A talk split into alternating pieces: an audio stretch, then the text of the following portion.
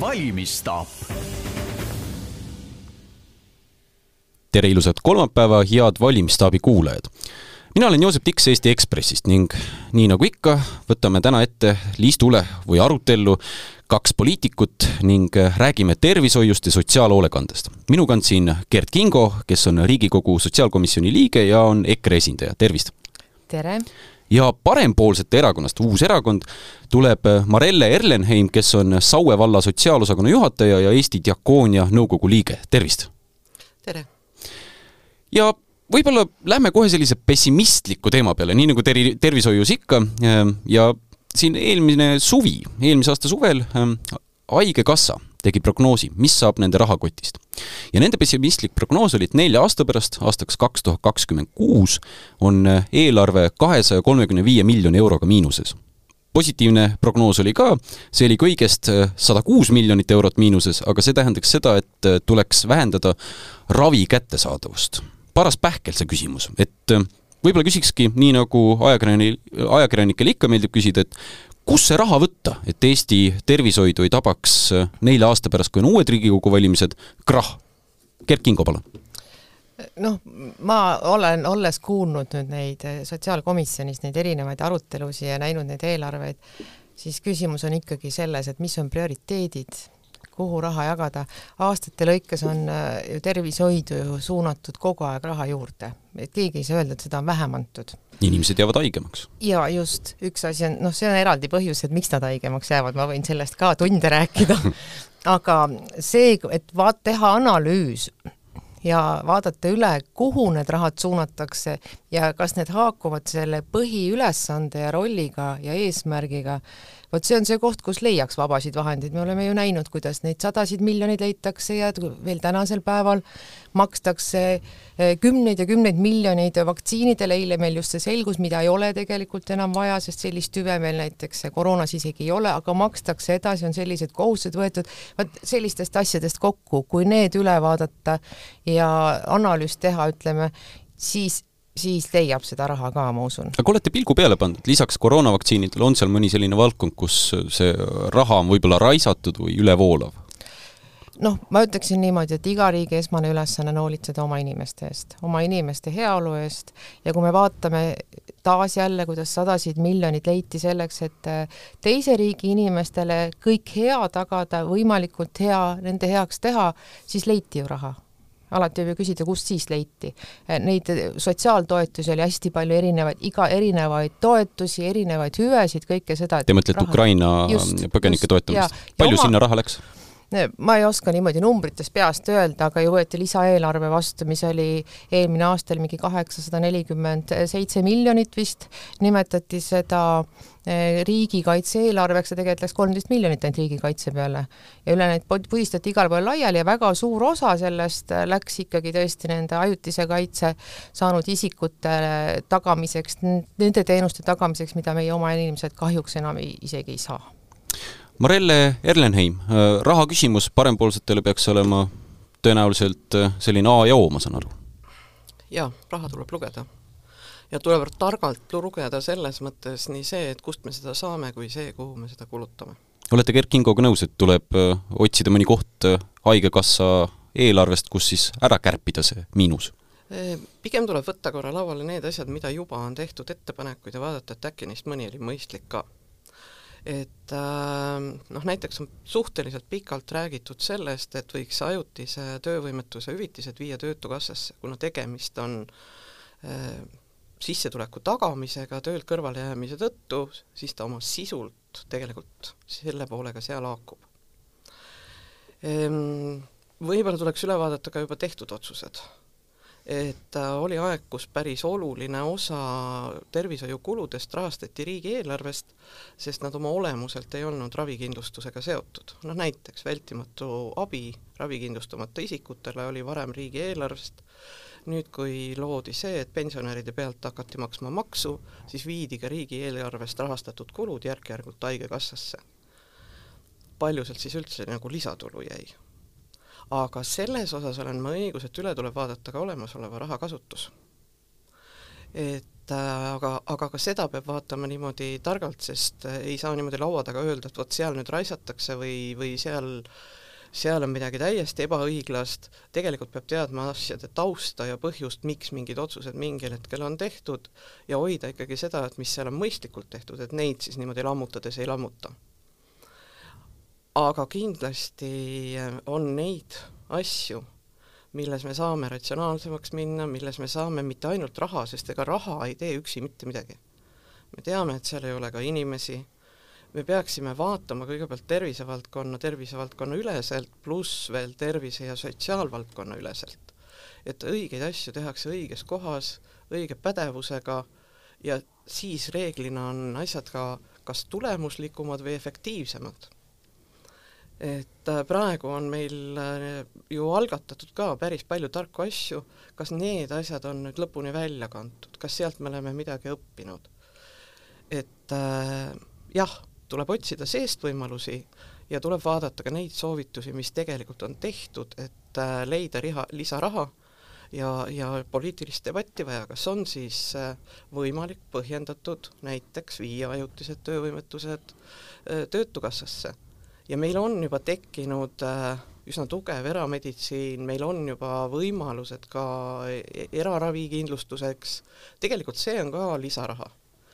ja, ja jällegi, seda tuleb kasutada niimoodi, et püüda leida need kohad, mida nad ei äh, kahjusta seda, mis on juba loodud, see haiglavõrkude ja, ja kogu selle riikliku süsteemiga, vaid nad olekski lisavõimalus, inimesele valik ja tuleb ka sisse, ehk näiteks tööandjatele tervisekulud teha erisoodustuse maksuvabaks, et ta oma töötajate tervisesse panustades saaks seda teha nii, nagu ta eh, näeb, et tal on võimalik ja põhjendatuks peab head külalised, ähm, vabandust, ma natuke nokin, aga te mõlemad natuke ütlete mulle justkui, et teeme asju paremini ja soodsamalt, aga, aga kindlasti paljud hääled kutsuvad üles, et tervishoiusüsteemi tuleb reformida, tervishoiusüsteemis tuleks teha rohkem kui lihtsalt Haigekassat nimetada Tervisekassaks, et äh, arstid on läbi põlenud, õed ei jaksa enam, ravijärjekorrad on pikad, äh, inimesed jäävad järjest haigemaks, tegelikult need probleemid on päris suured ja nõuaksid justkui sellist ühtset äh, kõlavat ja arusaavat lahendust, et selline jutt, et võtame siit ja võtame sealt, see ei ole ju valijale arusaadav. Mina ütleksin küll, et kogu see meie tänane tervisesüsteem, see lihtsalt ei tööta perearstisüsteem ei tööta, ei tööta mitte miski enam, nagu on näha, ei tööta ka haiglates see tegevus ja inimeste tervisega tegelemine lihtsalt ei toimi.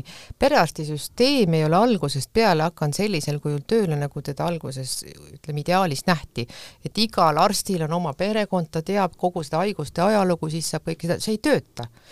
tänasel päeval suheldakse perearstiga elektrooniliselt, ravimine toimub elektronkirjade vahendusel, sest perearsti ei ole võimalik kätte saada, nimestud on väga suured, neil on ka töö tööd palju, neil on, noh, nad on ikkagi äriühingud, haiglatest on tehtud äriühingud ja inimestel on arstiabi kättesaamatu.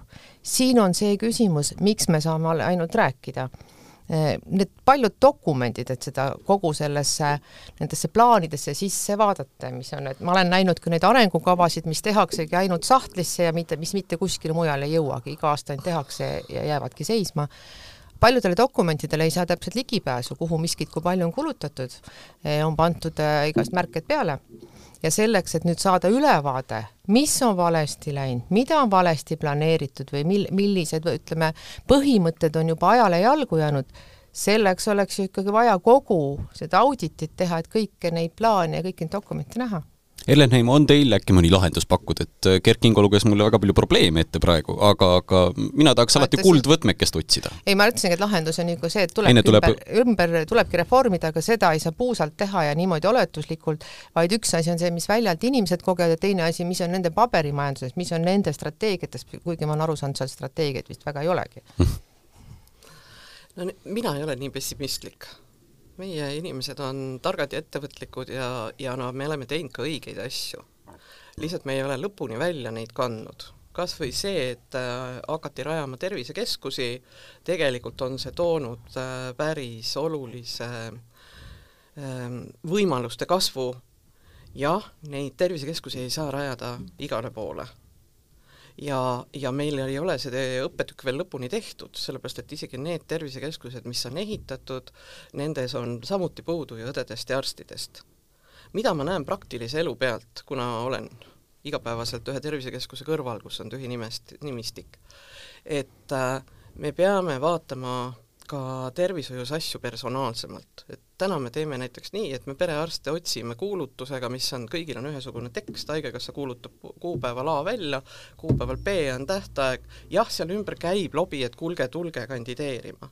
aga sinna kuulutusse ei saa panna, et vot, kui te tulete sinna tervisekeskusesse, siis kohalik omavalitsus saab teid ka aidata selle, teise, kolmandaga, ja, ja kui see tähtaeg on läbi, siis jälle tuleb Haigekassast see, et jälle luhtunud, miks me üldse teeme tähtajalised, võib-olla teeme avatud konkursid, kui me teame, et seal on vaja, igal juhul vaja, ja kui meil on näiteks selliseid kohalikke omavalitsusi või on äh, ka neid juriidilisi kehasid, kes on selle tervisekeskuse tegevuste korraldaja, et äh, võib-olla saaks ka tema näiteks juba konkursi üle võtta, et saaks juba konkreetsemalt sellele kohale sellisel viisil leida arsti, kellele see võiks sobida et need lähtetoetused on kõigile ühtemoodi, aga võib-olla on veel kuskil keegi teine, keda tunnetab miski muu, aga see tänane muu viis seda ei saa.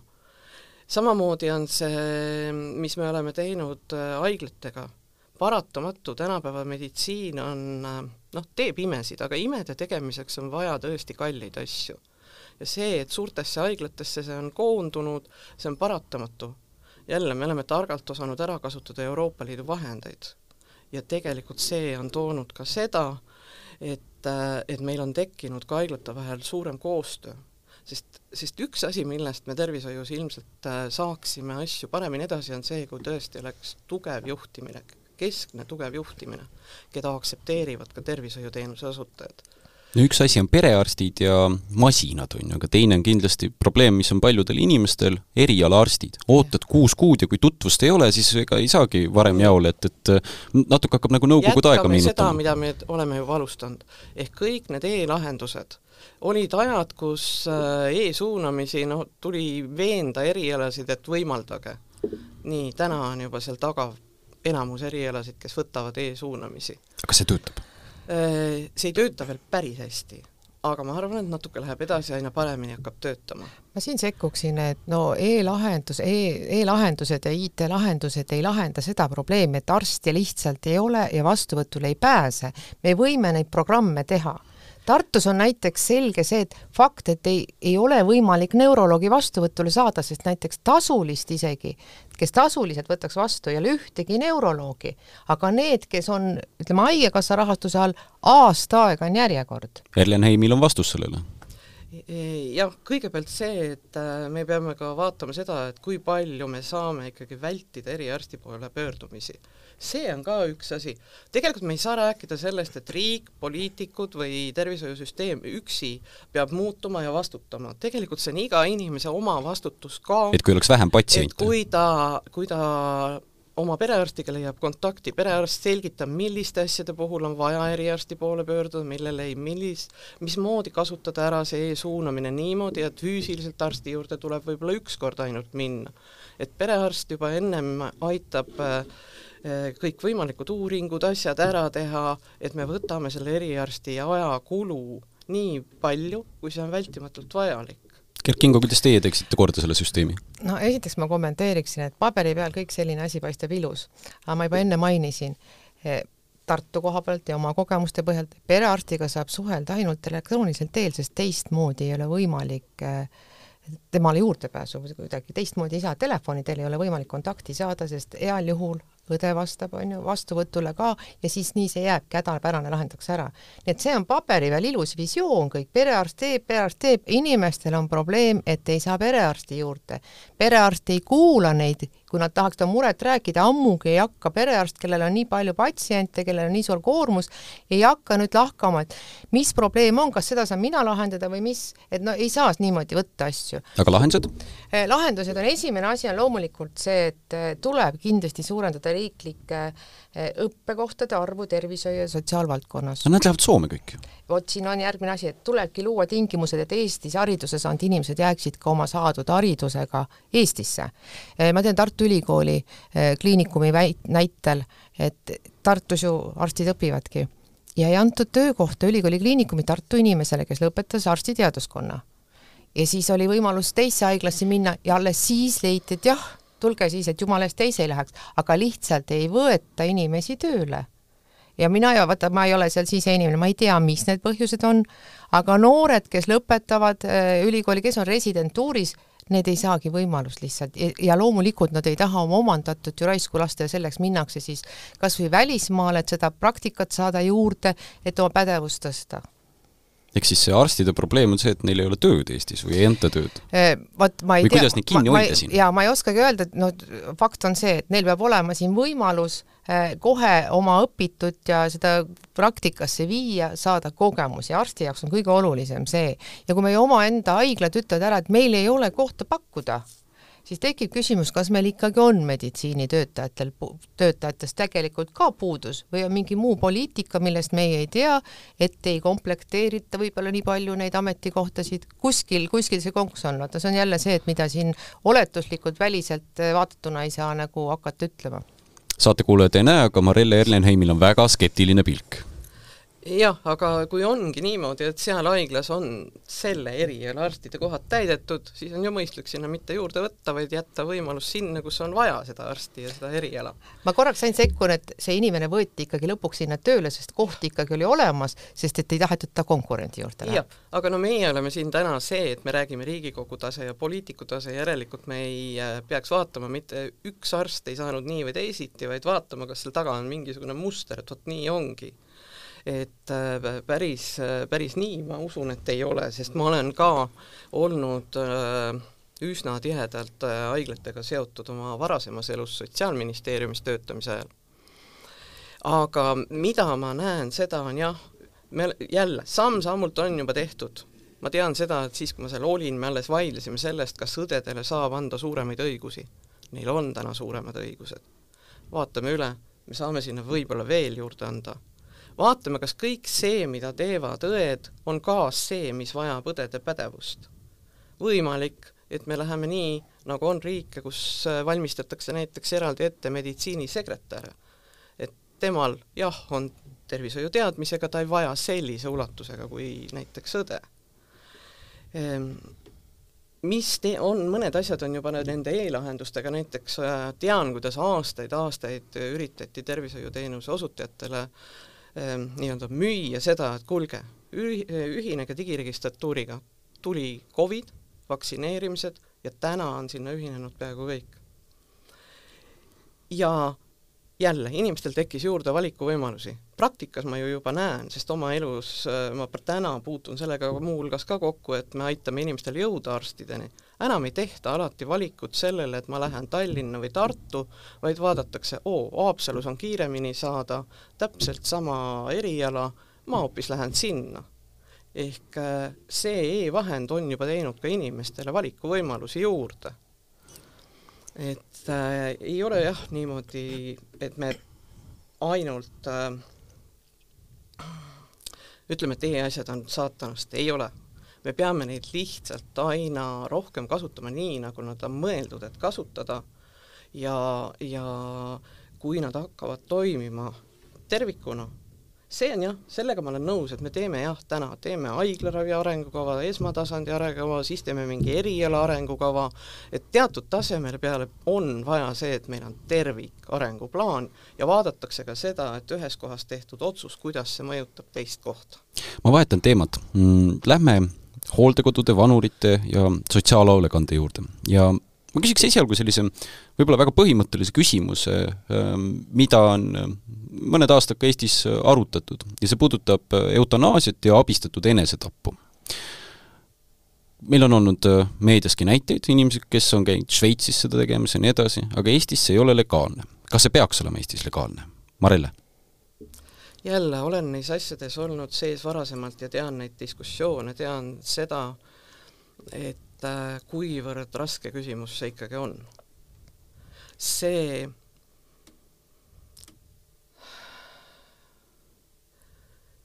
kui see võimalikuks saaks, ka siis peaks ta olema väga-väga kaalutletud asi, millel on kindel veendumus, et see on inimese tahe.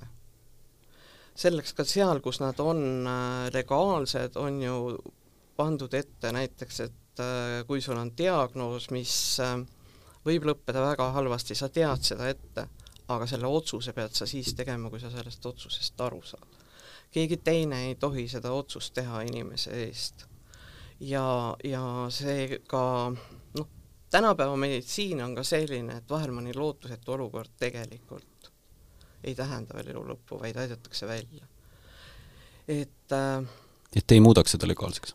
ma praeguses hetkes niimoodi, et jah, muudame, ei muudaks, aga ma arvan, et rääkima sellest peab, sest äh,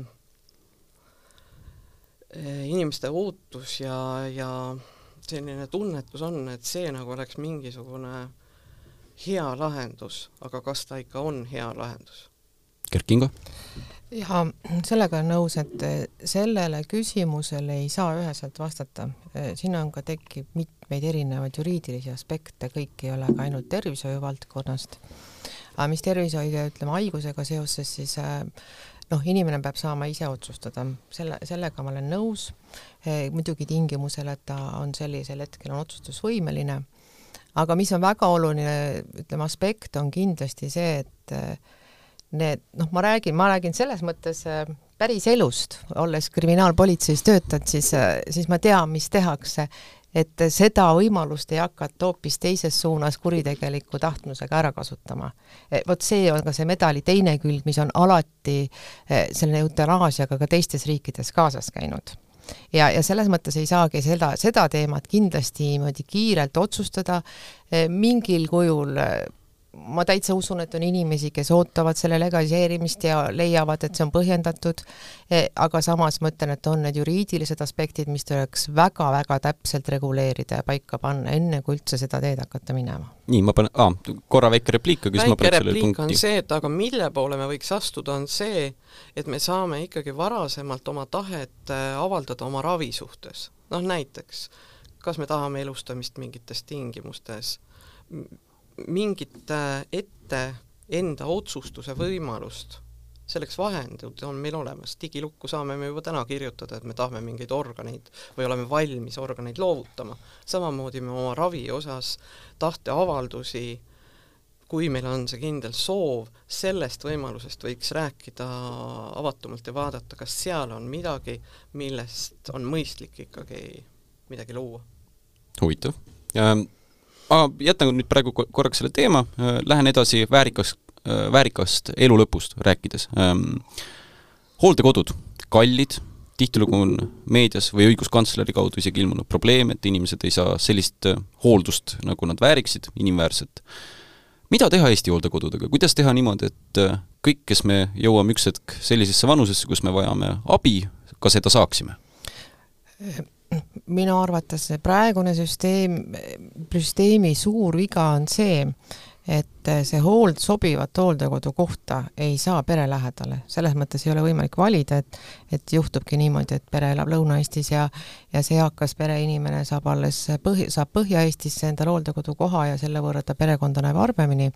väga hea lahendus on tegelikult olemas, mida võiks täiesti kaaluda, mida EKRE siin kohalike omavalitsuste valimistel eh, ütleme, reklaamis, oleks päevahooldekeskused eakatele see tähendab seda, et hommikul siis see eakas pereliige võiks viia päevahooldekeskusesse, kus on olemas siis ka meditsiinipersonal, kus on ka teised eakad, kus on ka tegevus, ta saab seal, ta toidetakse teda, tal on toit, lõunasöögid kõik olemas. see on järel, kallis kindlasti. järelevalve all ja õhtul kell viis näiteks tuuakse ta koju, aga see eakas inimene saab perega koos olla. Eh, see juba on Põltsamaa vallas näiteks on selline asi tehtud omavalitsuse volikogu otsusega on väga populaarne. ja see tähendab seda, et oleks ka kodu juures ja noh, kõik teavad ju seda, et elu lõpul eakas inimene soovib ikka oma perega koos olla, pere lähedal olla ja pere üks osa olla ja ta peabki seda olema. ja sellised äh, päevahooldekeskused olekski see lahendus, et õhtul saab koos perega televiisorit vaadata, arutada, lapselastega koos olla. sest olemasolevaid äh, hooldekohtade probleeme mis on tõesti see, et neil on erinev kvaliteet loomulikult, no siin me jõuame jälle rahastamise alla, et palgad on viletsad, ei leia hooldajaid, aga üks suur probleem on see, et ta on perest eemal ja ta on kaugel. Marelle Erlenheim, hooldekodud, kas need jutud, mis meediast tulevad aeg-ajalt, et inimestel ei ole kohti seal, kohad on ebakvaliteetsed, kas, kas need on ülepaisutatud või on seal probleeme Eestis hooldekodudega ja kui on, siis kuidas te lahendaksite? piirkonniti on. Kuna, kuna ma jah, Saue vallas juhin äh, sotsiaaltööd, siis muuhulgas ma olen teinud üldhoolduse hanke läbi. ja ma näen seda, et siin põhja pool Tallinna ümbruses meil tuli praktiliselt iga hanke osale neli-viis pakkujat et, äh, et teatud piirkonnas see ei ole ja siin on väga kaasaegseid juba ekstra hooldekoduks ehitatud, äh, miljöö on kohandatud näiteks, kui sa dementsetele suunatute osakondade miljöö on kohandatud, kõik, äh, mida sa oodata võiks, vaatab sealt vastu, kui küsid, kas teil on, vastus tuleb jah, on. aga see on väga ebaühtlane. on neid piirkondi, kus ei jätku kohti, on neid piirkondi, kus kohti on, võib-olla nad ei ole kõige ähm, kaasaegsemad, et äh, jällegi ei saa niimoodi öelda, et äh, lahendus kõigile ja ühtemoodi ja, ja ja no nagu praegu nagu luuakse lahendust, et äh, anname palju raha ja siis ütleme, et keskmine inimene keskmisele teenusele saab nüüd väga hästi. aga tegelikult see sõltub sellest, et vot kus piirkonnas ta on, mis, kas tal ikka on keskmine vajadus, võib-olla kui tal on äh, suur või ulatuslik hooldusvajadus, siis äh, ja tal näiteks sealjuures on psüühikahäire, siis võib-olla ei olegi tõesti neid kohti, sest selliseid spetsiifilisi kohti on vähem. jube palju optimeerimist tuleb teha? tuleb teha ja, ja tegelikult äh, kas või see, mina näen, kuna ma olen äh, praktikas just seda mm, teenuse ostu poolt ka katsetanud, sest osad kohalikud omavalitsused ju peavad ise hooldekodusid, osad ostavad teenust, osad otsivad üle val-, riigi siis äh, ma olen ka seda näinud, et, et kui väljas tõesti tuleks rohkem, siis võib-olla leviks ka see teenuse osutajate huvi ka mujale teha nagu suuremaks. ja, äh, ja jällegi peaks vaatama tervikut, et mina ei räägiks sellest, et äh, nii, kõik peavad, peavad tahtma olla elu lõpuni kodus või praegu on see, kõik te nüüd saate hooldekodusse nii, me hakkame selle aasta lõpus, peaks avanema nüüd võimalus hakata teenusmajasid äh,, rahasid taotlema Euroopa Liidult. noh, me ei hakka ju jälle rääkima, et kõik teenusmajadesse. kogu selles süsteemis ma näen seda, et kui me räägiks sellest, et inimestel oleks valikuvõimalus ja neil oleks võimalik äh, jõuda just sellele teenusele, mida nemad vajavad oma olukorrast tulenevalt. et hooldaja ütleb koju või lähen ise kuhugi majja või mis iganes parasjagu sobib või? aga et see on, see on vaadatud läbi sellelt, et et see on mõistlik, sest, sest kuskilt jookseb ka piir, kus näiteks enam kodus ei ole võimalik tagada inimene sellist ikkagi hooldust, nagu ta vajab, turvalisust, siis on mõistlik, et ta liigub sinna, kus seda saab eh, tagada aga inimestele me peame looma valikuvõimalusi ja me ei saa tervet Eestit tervikuna vaadata, vaid äh, otsima seal, kus on täna puudus äh,, võimalusi rohkem kohti saada.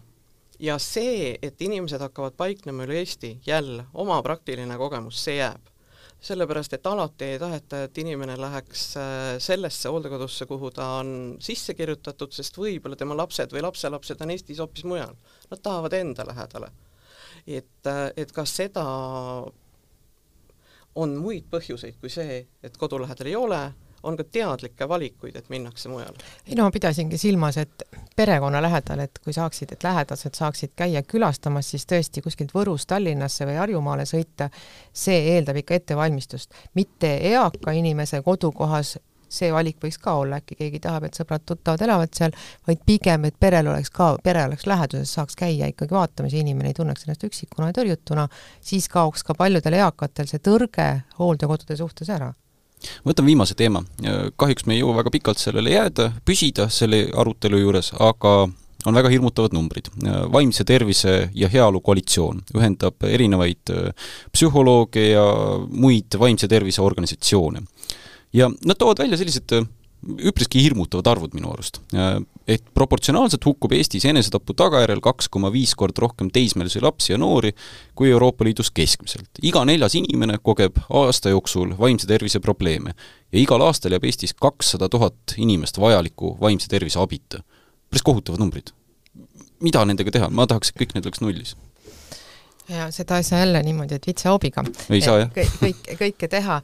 üritati siin teha, viidati ka vaimse tervise probleemidele siin sotside algatatud psühhiaatrilise abi seadus, et kuidas siis, et noor saaks siis ilma vanema teadmiseta äh, ja ka ilma tema nõusolekuta psühhiaatri vastuvõtule ja juba siis ma tõin välja teise selle medali külje, et see tähendab seda, et puudub ülevaade, milliseid ravimeid noorele väljastatakse ja on oht, et nende ravimitega hakatakse nii-öelda äritsema omavahel noorte vahel või siis hakatakse neid kuritarvitama ja tänaseks päevaks on nüüd see käes. kaks tuhat kakskümmend üks võeti see seadus vastu ja tänaseks päevaks on just nimelt seesama probleem käes. noortele kirjutatakse rohud välja ja nemad müüvad neid viis eurot tablett oma eakaaslastele, mis tekitavad siis heaolutunde peas või mis iganes, sõltub, mis haiguseks on välja kirjutatud. ja nüüd alla hakatakse tagantjärgi siis seda probleemi lahendama. ja, ja selleks, et noorte vaimset tervist, no siin on nii palju aspekte, iga asja kohta ei pea kohe kirjutama rohte välja peab jälgima lapse tegevust, vanemad tõesti võiksid ka hoida silma peal, millega lapsed tegelevad, kui laps mängib öö otsa arvutimänge, siis on teada, et tal on peavalu. Sellest arvuti mängimisest, mitte sellest, et eh, näiteks, et tal on mingi tähelepanuhäire või keskendusraskused, raskused või depressioon. ja, ja teine probleem, väga suur probleem on, ma olen nüüd võt-, toonud seda ka sotsiaalkomisjonis esile, palunud sellest rääkida, on, ongi just noortel eh, narkootikumide tarvitamine ja sellise narkootilise mõjuga ainete tarvitamine, e, see on osaliselt vaimse tervisega seotud, sest lõpp-punkt on ikkagi sama. ja see tähendab seda, et noored liiguvad allakäiguspiraali pidi, e, ministeerium e, ja erinevad riigiametid, nemad tegelevad e-sigarettide maitsete ja nikotiinipadjakeste maitsete reguleerimisega, mis on selle kõrval pisike probleem, sest tegelikult noorte e-sigarettide kasutamise eesmärk on kanepit selle kaudu suitsetada ja, ja noortel on põhiprobleem, ongi need narkootilised ained ja need mõjuained igasugused ja sellega ei tegeleta. et ühesõnaga, kui narkootikumid, arvutid ja need ADHD ravimid ära keelata, et siis oleks vaimse tervise ei, probleemid ei, lahendatud? keela, miks keelata? Neid ei saaks nii kergekäeliselt, äh, ei peaks välja kirjutama ja pluss veel me räägime noorest inimesest, kellel tõenäoliselt äh, kõigil ei ole sellist kohusetunnet, vastutustunnet, et äh, vastutustundlikult käi-, ütleme, tarvitada neid ravimeid minnakse müüma, sellega on uus, uued probleemid tekitatud, ära ei tule keelata ja siin me jõuame jälle meditsiinisüsteemi, arstidel pole aega süveneda, vanematel pole aega süveneda, mis see algne põhjus on, aga automaatselt kohe iga peavaluga näiteks on lihtsalt näide, eh, kohe rohud välja kirjutada, see ei ole ka õige lähenemine, sel-, lähenemine, sellega ei, ei saa lahendusi sellele. Marelle Erleheim, vaimne tervis, peavalud jälle mul hea meel, et ma ikka päriselt tegutsen seal päris põllul, selles mõttes maailm on jälle natukene noh, parem pilt, et äh, ikka mõned asjad toimivad ka ja tegeletakse ka, ei ole päris niimoodi, et äh, noh, näiteks, et sõltlastest lastega ei tegeleta, tegelevad lastekaitse koostöös politseiga, on olemas asjad, mis aitavad ja aga kas meil on piisavalt kõiki neid võimalusi, see on teine asi ja ei saa ma ka seda öelda, et ei, ärge rohtusid üldse pange, on olukorrad, kus ikkagi on väga neid rohtusid vaja. Ja vot seal ma olen nõus, et meil on nendele lastele ka raske ravi saada, sest lastepsühhiaatreid on vähe. Ja nad on läinud juba väga ratsionaalseks, et kas mina veel arstina saan midagi aidata, ei saa, järelikult ma selle lapsega enam ei tegele. Ja alati meil ei äh, ole igal pool neid võimalusi, et siis mingil teisel tasandil tagada see abi aga mida ma näiteks näen selle vaimse tervise ühe probleemina, on see, et jällegi meil on vähe psühholooge, meil on vähe abilisi, aga kuidas me neid kasutame?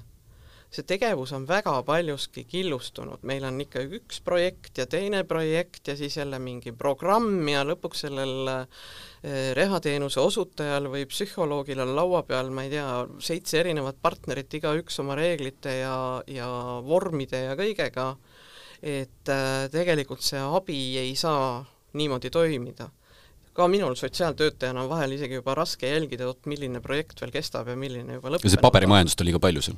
on, sest kõik need äh, toetused tähendavad ka vastavat äh, jälle omamoodi aruandlusi ja asju ja, ja ka ri-, riigi tasandil on äh, jällegi, sest nad lõpuks võivad koonduda kõik ühte kohta, võib üks ja sama teenuse osutaja olla, et Töötukassa ostab talt töötutele rehateenust, SKA ostab äh, lastele ja eakatele, KOV ostab äh, probleemidega peredele, nüüd riigi vaimse tervise toetusega me siis üritame luua ka selliseid kogukonnapsühholoogi asja, mis oleks ka kõigile täisealistel kättesaadavad, aga lõpuks see võib ühe teenuse osutaja kätte joosta ja tal on nagu nii palju kõike, mida ta peab siis veel lisaks jälgima sellele, et inimest abistada. aga kas sellel on mingi võluvits või vastus, et eh, lapsed ja noored ei leiaks, et elu on nii kärnas, et nad peavad suitsiiditeed liikuma?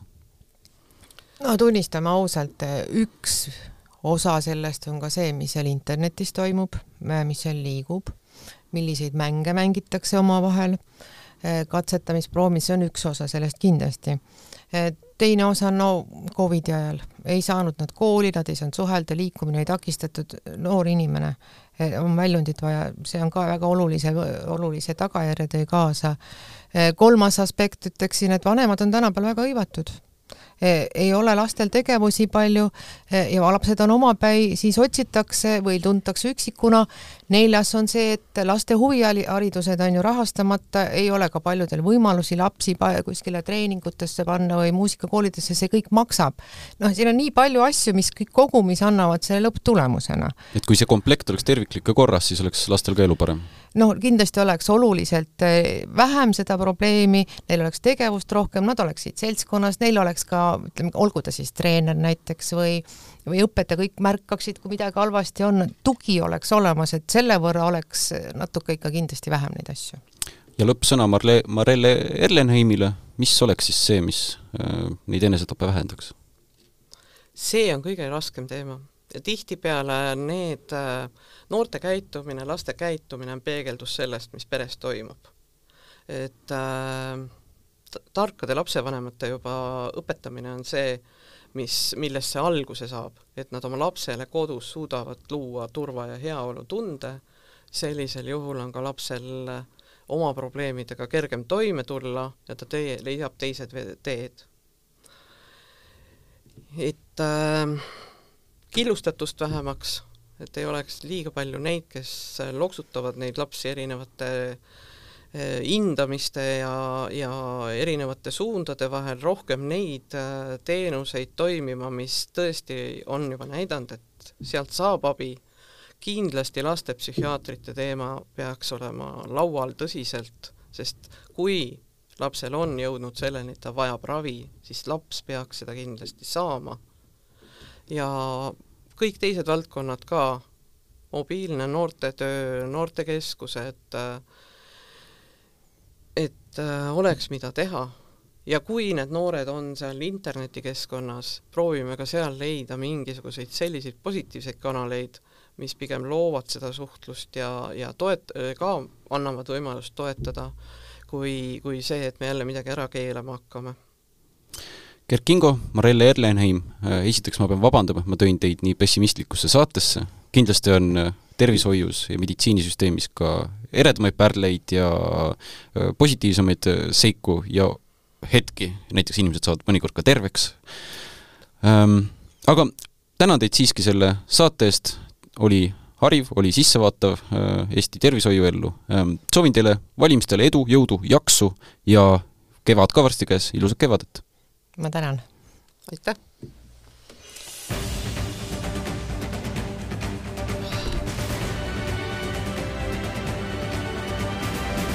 Valmistaap